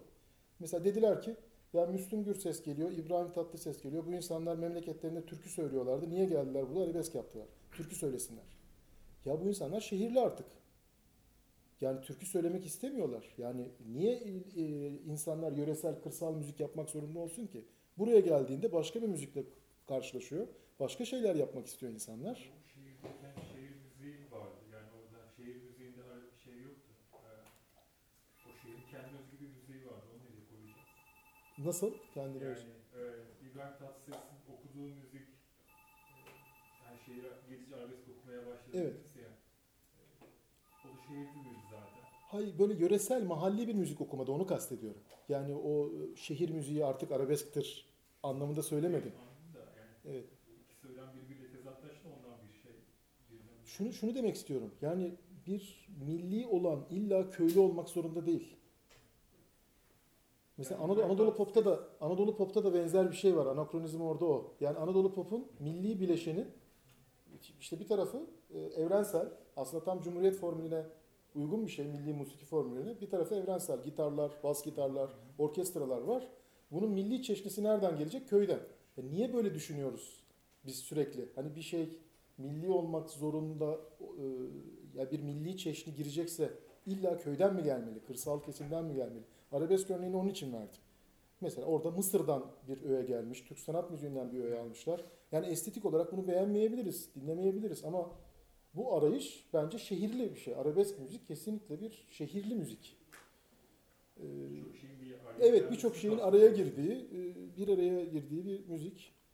Ya bilmiyorum tatmin edici oldu mu ama. Ee, peki şey nasıl bakıyorsunuz hocam? Yani mesela e, 60'lardan e, daha doğrusu 70'lere kadar e, ciddi bir şekilde aranjman müzikler e, söylemleri Evet.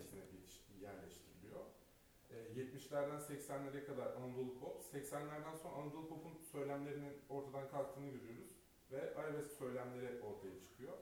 Bu kırılma noktalarının e, bu öz oryantalizmin de e, bu, bakış açısını farklılaştırdığını ya da e, buna e, neleri sebep olabileceğini hakkında bir yorumunuz var mı? Benim de sürekli kendime e, yani çalışma, ben de çalışmaya çalışıyorum bu tür konuda. Sizin peki bir öneriniz var mı veya sezdiğiniz bir şey? Bunlar Darbe nokta, darbelere denk geliyor, ihtilallere denk geliyor. Fakat e, Nasıl? Yani darbelere denk geliyor derken bir- Barış Manço'nun öyle bir konuşması vardı meşhur. var evet, hatta bunu belgesel çekeceğini de söylemişti ve Evet. kalmıştı o yanılmıyorsam. E, açıkçası şöyle ben e, mesela 80'e kadar e, bireyciliğin yani o liberal bireyciliğin e, temsilinin olmadığını düşünüyorum. 80'den sonra e, 82 Anayasası'yla birlikte özellikle bu bireycilikle birlikte e, arabesk söylemlerinin ortaya çıktığını. Ama arabesk 70'lerde ortaya çıkıyor esas. Yani 80'den sonra değil.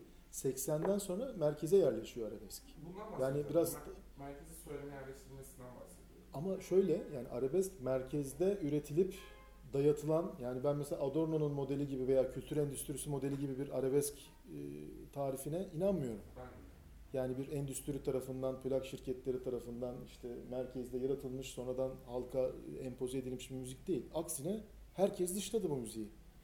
İlk doğduğunda herkes dışladı. Yani söke söke e, yayıldı. Ama ondan sonra da işin çerçevesi değişti. 80 sonra da sonrasında da gitgide bir resmi kültür haline geldi. Hatta şu an arabesk belki eski haliyle e, zayıfladı. Ama bu sefer bütün türlerin içine e, nüfus etti. Mesela ben şu an TRT Müziğe bakıyorum. Bilmiyorum siz tabii e, uzmansınız e, bu konuda. Ben konuşmak istemem ama en azından dinleyici olarak yani devletin resmi kültürü haline gelmiş gibi o arabesk üslup. Hani Evet ya- ve arabesk diye bir kategori yok. Dikkat ederseniz resmi olarak hala kabul edilmiyor. Yani arabesk okutulmuyor, öğretilmiyor. İşte ciddi analizlerin konusu haline getirilmiyor. Özel bir arabesk programı diye bir şey yok. Ama gayri resmi olarak e, resmi kurumların e, en makbul icra tarzı e, haline gelmiş gibi gözüküyor bana.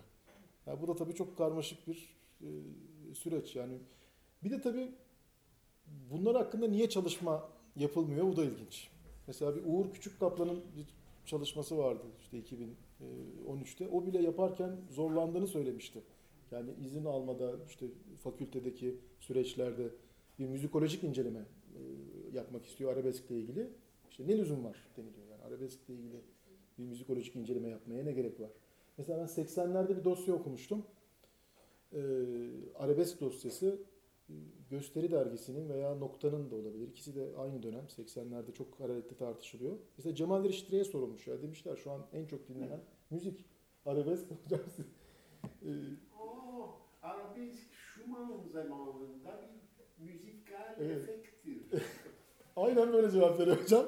Ve demiş ki bana böyle saçma sapan bir soru nasıl sorabilirsiniz demiş. Yani Schumann'da arabeski sorsanız cevap vereyim ama demiş böyle bir soruya cevap vermeyi reddediyorum. Yani o bizdeki manasıyla değil, Batı içerisindeki bir ornamentasyon tipi olarak yani bir modelleme tipi olarak mesela Schumann arabesk ki vardır, çok güzeldir. Tam da öyle cevap vermiş hocam. Tam böyle. Çok değerli e, bu- bu şey algılama Evet. yani kompozitör e, Cemal Bey yüksek bir kompozitör arabeski nasıl algılar? Ben böyle korsan araya girmiş oldum ama Estağfurullah hocam. e, ben bu konuda yani bir bildiri ve hazırlamış olmamdan ötürü seneler önce ulusal ses e, dünyamız, ortak ses dünyamızın oluşmasında e, Türk müziğinin önemi diye bir tez vermiştim. Orada E.B. Taylor'dan yola çıkarak e, meseleyi üst kültür ve alt kültür çerçevesinde ve Bu yeni Türkiye'de yayınlanmıştı değil mi hocam? Evet, evet. Yani çok seneler Evet. oldu yani. Emperyalist karşıt kültür yani batılaşmayı bir Evet. oryantalizmin bizdeki siz daha şimdi e, şey yaptınız. E, yani Türkiye'nin karşı karşıya olduğu ve içinde olduğu bir e, kültürel fenomen diyebiliriz buna. Bu sonralarda da birçok yani başka yazı veya söylemlerinde de bu şey yaptım. Bir dilemmayı biz hep getiriyoruz. Bir dil akıntısı gibi bu var. Ama şey arabesk benim kanaatime göre siz bilmiyorum hocam ne der sizler ne dersiniz bu çok klişe bir şey işte köyden kente geçiş sürecinde şehirlerde oluşmuş bir alt kültür e, şeysi, yansıması. Bu alt kültür e, o kadar baskın hale geldi ki bizim üst kültür diye önerilen iki hadise vardı. Hocam dediği yani oryantalizm ve cumhuriyetin önermeleri doğrultusunda bir üst batısal kültür ki ben buna emperyalist karşıt kültür diyorum. Ee, bu karşıt kültürle bizim eski hakim kültürümüzün yani yüksek değerlerimizin ki Ahmet Hamdi Tanpınar'da ifadesini bulan o söylemin bir çatışması, e, karşı karşıya gelmesi ve bu cemiyette hangisinin normatif bir değer halinde yerini alacağı meselesidir benim kanaatim. Ee, işte bürokrat, elit bürokratlar, hocanın dediği yönetim, cumhuriyet siyasası, e, normatif kültür olarak bu karşıt kültürü bize önerdiğinde şey direnemedi. Yani eski bizim yüksek kültürümüz direnemedi. Çünkü çok işte Nurullah Ataç'tan örnek verdi hoca, şeyden Faruk Güneş'ten örnek verdi. İnsanın içini acıtan biçimde. Benim tam lise ve üniversite zamanıma denk gelir. Ruhumun acıdığını, yaralandığını hissederim. Bu söylemlerle karşı karşıya geldiğimde. Yani Türk müziği kötüdür, ilkeldir, şeydir. E, İzzeti nefsinin masumiyetini kanatan ifadelerdi bunlar. O duramadı. Bu sefer duramayınca Cemil, Cema, Cemil Meriç'in sözü zuhur etti. Emperyalizmler e, ülke, ülkeleri artık kültürsüzleştirerek fethediyorlar dedi. Ve o normatif üst kültür belli çevrelerde oluşurken yaygın kültür ihtiyacı içinde olan insanlar işte bu arabesk alt kültürle yetinmeye başladılar. Bugün de onun yansımaları devam ediyor. İşte Müslüm filminin yapılması sürecine kadar. Onların tabii kendi içinde piyasa şartlarında bir modernizasyon sürecine tabi olmaları da söz konusu oldu. Yani iniltili bir Orhan Gencebay müziği bugün efendim modern stüdyo şartlarında senfonik düzenlemelerle veya Müslüm Gürses'in jilet attıran müziği değil mi şeyle neredeyse mukayese edilerek neydi? Queen'le mukayese edilerek bir şeye çıkartılmaya çalışıyor. Yani bir dengeler yer değiştirdi. Ve alt kültür, alt kültür müziği diğer ki, geniş kitlenin kültürsüzleşmesi neticesinde yer buldu, neşvi nema buldu. Ve e, bizim eski hakim kültürümüzde e, kendisini savunabilecek elemanlar, bilinçli elemanlara sahip olamadığından dolayı bir gerileme yaşadı, halen de yaşıyor. Bu savunabilme noktasında hocanın dediği şey çok önemli. Analoji üretmek yerine onların bilimsel tanımlarını yapabilmek. Yani işte tek sesli müzik, çok sesli müzik, tek iki, iki çok ritimli müzik filan yerine Türk müziği nasıl tanımlanabilir? Biz bugün Türk müziğinin bilimsel bir tanımını verebiliyor muyuz? Veremiyor muyuz? Noktasına bizi getirir. Ben Türk müziği tanımını Andre Oder'in e, şeyini okuduğumda İlhan Osmanbaş dergisinde müzikte türler de biçimler de bir kitabı vardır. Orada e, kitabın giriş şeysinde e, melodiden başlıyor. E, ve Andre Oder diyor ki bir melodiyi armonilenmemiş biçimde besteci tarafından yalın olarak duyurulabilir. Bir kural Schumann'dan ve Beethoven'dan e, örnek veriyor. Böyle onu okuyunca ben de şey saksı düştü kafama. Aa Türk müziğin tanımını yapmış adam dedi. Ee, Türk müziği armonilenmemiş ezgiler müziğidir. Tanımını ben böyle çıkardım ve bunu kullanıyorum. Bunları yaz, e, yazıp ya Türk müziği nedir tanımlayıp bize derse armonilenmemiş ezgi müziğidir demek. Buna, bunda gayri bilimsel bir yön bırakmaz bize. Başka bir tartışmayı da çünkü bunun batıda da karşıtı var. Yani interdisipliner bir tespitten yola çıkarak hani bunu e, ele almak gerekir gibi böyle kendince e, önemsiz şeyleri var, yaklaşımları var. Ama işte bu arabesk bilmem vesaire konusunda benim düşüncem o. Yani bir alt kültürün maalesef kültürsüzleşme biçiminde yaygınlaşması ve bunun toplum kesimleri tarafından benimseniyor olması. Yani e, bunun dışında şeyler var. Siyasi 10 senelik dönemler içerisinde siyasetin değişmeleri, dönüşümleri, işte bir zamanda devrimcilik modaydı, bir zamanda halkçılık modaydı, bir zamanda yani kanun taşımaktan ben kanter içinde kalırdım, utanırdım. Yani geri bir enstrümanını taşıyorum. O zaman bağlama taşımak e, şeydi.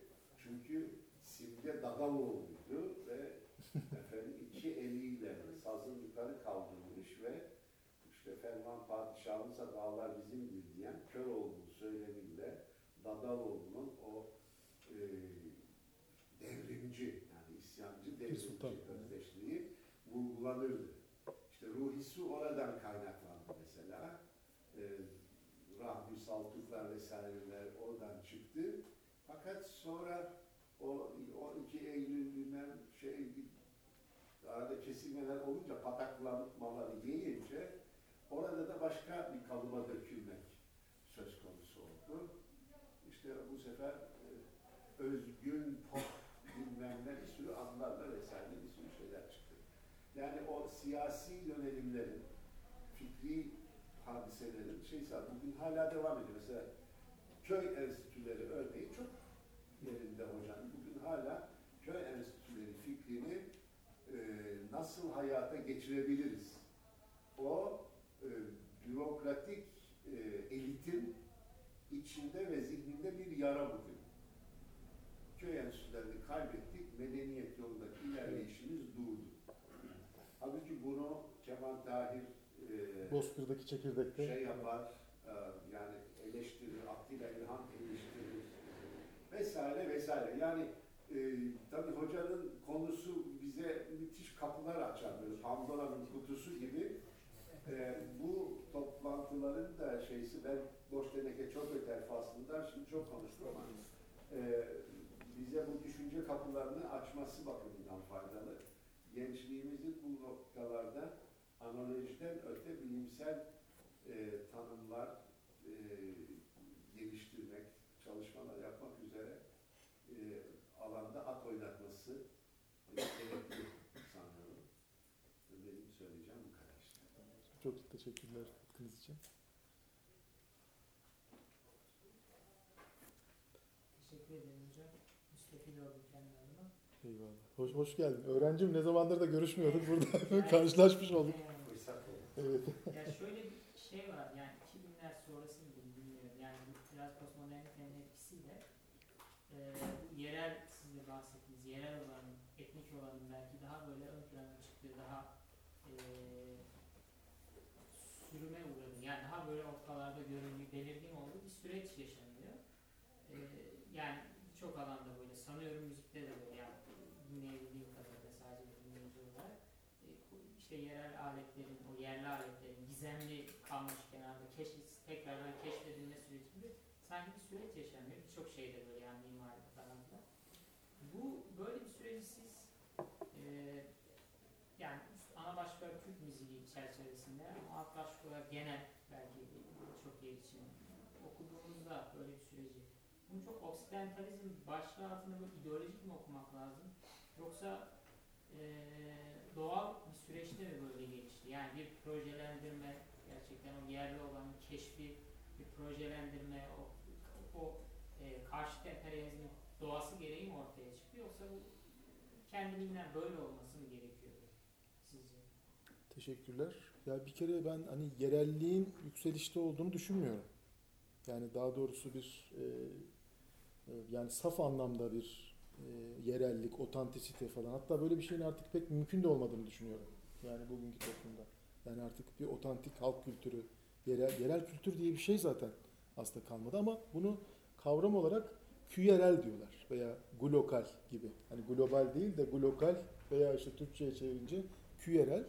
Yani o yerel unsurlarından oluşmuş böyle melez kültürler, hibrit kültürler e, biraz ön planda. Bu da iletişim olanaklarının, imkanlarının gelişmesiyle de çok yakından e, ilişkili. Yani artık e, dünyanın bütün müziklerini e, duyabiliyorsunuz. Yani kanallar var, Spotify, YouTube yani o kadar e, imkan geniş ki ve bu kadar farklı müzik, fazla müzik duyan insanların artık böyle tek müzik türüyle e, hayatlarını sürdürmesi de mümkün değil.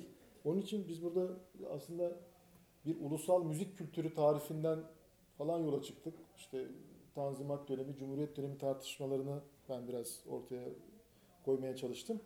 Ama bugün aslında gerçekçi değil bu tartışmalar. Yani biz şimdi tanış, e, tanımlamaya çalışsak, hani Türkiye'nin bir ulusal müzik kültürü nedir desek, yani e, yok ve mümkün de değil böyle bir şey olması. Olmasına Yani imkan olmasına imkan da yok. Ha, bu nasıl olabilir? Ancak faşist yöntemlerle olabilir. Yani bugün artık bizim bir ulusal kültürümüz olacak. Herkesi birleştiren ortak bir kültür. Bu ancak ultra otoriter bir toplumla bunu sağlayıp yapay olarak sağlayabilirsiniz. Yani çünkü bugün hepimiz de böyleyiz herhalde. Ben etrafıma soruyorum. Hatta e, uzatmıyorum inşallah hocam lafı. Ee, Şimdi e, mesela müzik sosyolojisinde Bourdieu var. Çok me- meşhur işte bu beğeni sosyolojisi. Eskiden işte yüksek kültür beğenisiyle popüler beğeni kutuplaşıyordu.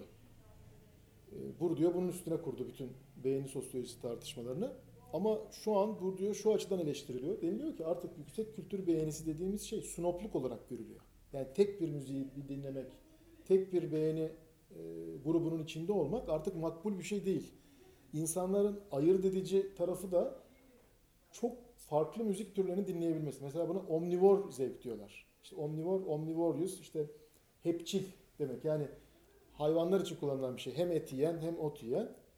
Ee, aynı onun gibi bugün artık makbul bir üst sınıfın ayırt edici özelliği şu. Mesela şöyle bir şey. İşte klasik batı müziği de dinliyor, caz da dinliyor, rock mesela en güzel örneklerini seçip dinliyor. Arabesk da e, seçip en güzel örneklerini bulup hatta ayırt ediyor. İşte diyelim diyor ki Müslüm Gürses'in işte şu plağı aslında hepsinden daha iyidir bulup onu dinleyin. Ama işte Beethoven'ın sonatı içinde e, işte e, şu Pollini'yi tercih edin falan diye her alanda bilgi sahibi olan, hepsini dinleyen, artık makbul Ama olan işte orada Kutbunahi Osman Dede kendine yer bulamıyor. O, o, o, o, o yok orada. evet, Nuri Cemil Bey orada yok. Yani bu dediğiniz her şey var. evet. Yani bu günümüz e, aydını bunu yapıyor. Evet, senfonik müzik, o, o, o.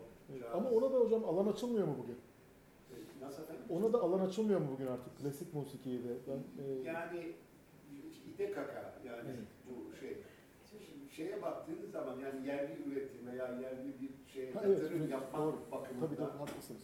yatırım yapılması bakımından eşit piyasa şartlarına sahip kılınmadığını görüyoruz. O kesinlikle öyle. Yani liberalizm açısından bakalım. E, eşit piyasa şartları yok. Yani e, işte TRT müzikte o bahsettiğimiz arabesk kokunun, dokunun çok yaygın olduğu e, müzikler e, efendim veya te, Radyo 3'te senfonik müzikler şunlar bunlar ama nitelikli bir Tanruli Cemil Bey e, şeyine erişeyim deseniz kendi taksimleri dışında. Çok da dar bir Cemil Bey'in Suzi Lara Peşöni ben nerede bulurum da dinleseniz o henüz gündemimizde yok. Demin benim söylemeye çalıştığım da ona biraz şeydi, işaretti. Yani o bak o manadaki biz kendi eski eee eski müziğimiz diyelim, eee, üst kültür müziğimizi bu buyurduğunuz çerçeve içerisinde bir eee, eşitlik veya fırsat eşitliği veya erişebilme kolaylığı açısından rahatlıkla bulamıyoruz ki evet. öyle bir kültürün sahibi olan bir toplum ve ülke açısından da bana göre önemli bir nakısa. Evet inşallah. Hocam, hocam sizden ilhamla bir e, az önce aklıma gelmişti. Biraz konu değişti. Tekrar oraya döndüğü için izin verirseniz bir şey söylemek isterim.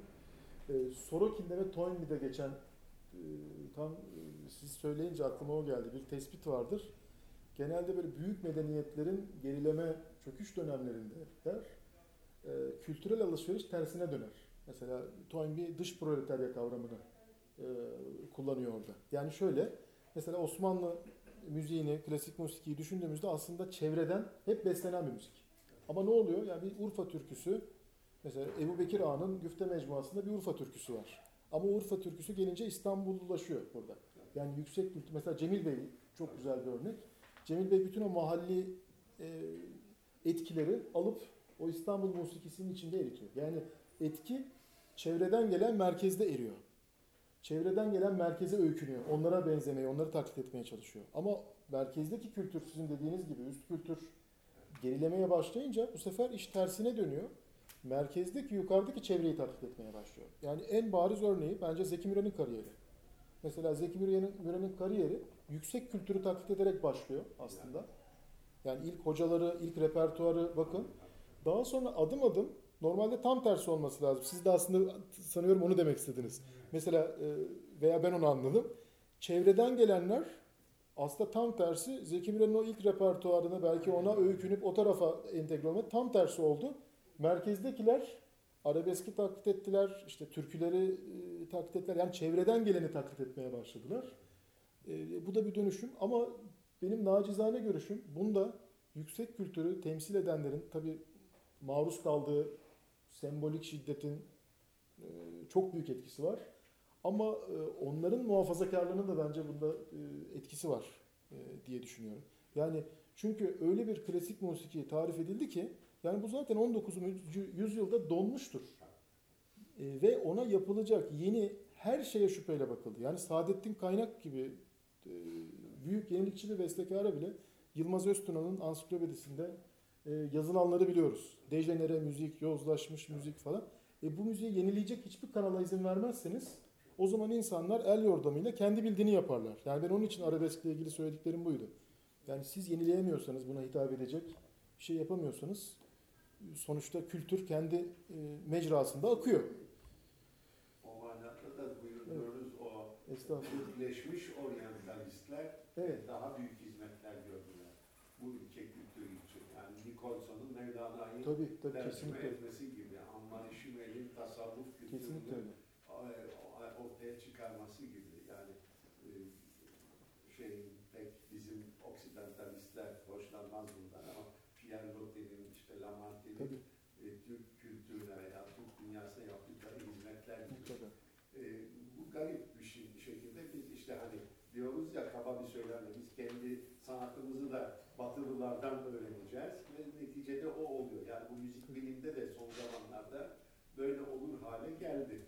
Nitekim e, bizdeki yeni, son 20-30 yıl içerisinde çok cüz'i ve yeni daha yeni kıpırdanma bu evlatların daha kanat tüyleri yeni çıkıyor, omuzları yeni kaşınıyor. Yani henüz kanatlanıp uçamadılar müzik bilim alanında ama e, batıdan bakıyorsunuz işte Feldman geliyor bilmem yok Ralph rock. geliyor yok bilmem e, Scott'lar geliyor onlar bunlar bakıyorsunuz o burası e, ilim irfan bakımından şeyi de onlara kaptırma e, tehdidi altında da riskini de taşıyoruz yani. Hani öyle de yararlanamıyoruz, öyle de yararlanamıyoruz. Bu, bu bir şey, e, risk teşkil ediyor. Evet, bu öz oryantalizme bizim bir an evvel belki e, zahir olup o manada kendimize teşkil olmamızda fayda var. Buyurun hocam. Biraz evvel Yılmaz Öztun'un e, o Evet. kesimin e, konservatif olduğundan bahsettiniz. O yüzden de klasik müzik orada Evet. kaldı ve kendini yenileyemedi dediniz. Ama ben e, şunu sormak istiyorum. Acaba bunun yanı sıra, tabii çok haklısınız ben de öyle düşünüyorum. Türk müziğinin hiç yani 1976'ya kadar okula sahip olamamasının ve kitabınızda biliyorsunuz Tabii. bitirmesinin de çok bence çok büyük bir Tabii ki. Şüphesiz. olduğunu Şüphesiz. Zaten ilk eğer öyle olmasaydı belki de bugün bunları konuşmuyorlar. Yani kesinlikle haklısınız. Zaten onun için cümlenin ilk kısmında dedim ki yani maruz kaldığı sembolik şiddetten kastım buydu. Yani bu kadar aşağılandı, küçümsendi, kurumlardan yoksun bırakıldı insanlar tabii ki esas hani e, hani hırs tabii ki. Hani hırsızın hiçbir suçu yok diye bir fıkrası vardı ya Nasrettin Hoca'nın. Tabii hani şimdi Yılmaz Öztürk'ü suçlarsak biraz haksızlık etmiş oluruz. Ama onların da e, kabahat yani eksikleri var en azından zaaflar. Onu söylemeye çalışmıştım. Yani Yoksa dediğiniz tabii ki de. Orhan Şevki Uludağ galiba. Osman Şevki Uludağ Osman evet. Şevki, evet. O meclis tutanaklarında Tabii adamcağız tek başına yazıyor, Neler yazıyor? Kor tüylerin diken diken oldu anlaşılır gibi değil Yani gerçekten. evet, Ve e, işin ilginci karşı tarafta anlayamıyor tartışmayı. Anlayamıyor. Hatta onun devamını buldum o tutanaklarda. Osman Şevki Bey bir yemeğe gitmiş. İsmet İnönü'nün e, köşke herhalde. Köşkte konuşurlarken işte mecliste de hep tartışıyorlar Türk müziğini savunan Uludağ. E, işte İsmet İnönü de demiş ki e, ya demiş senin bu derdini ben anlayamadım bir türlü demiş. Yani işte romanda bu tartışma olmuyor. Hani kimse hadi divan edebiyatına dönelim roman yazmayı bırakalım demiyor. İşte heykelde olmuyor. Biz demiş siz e, Alaturkacılar bu işi zorlaştırıyorsunuz. Neden demiş bunun hikmeti? Nedir bunun hikmeti? O demiş ki paşam demiş yani bizde roman yoktu batıdan aldık. İşte heykel yoktu batıdan aldık ama müzik vardı. Ve hala da var. Yani sorun bu. yani bu bitmiş bir müzik değil. Hala devam ediyor. Kuvvetli bir gelenek olarak da var. Onun için dediğiniz doğru tabii. Yani esas bunlar daha önemli. Sorusu olan, yorumu olan var mı? Tabii. eee, Şimdi herhalde yok. Üçe kadar sayıyorum.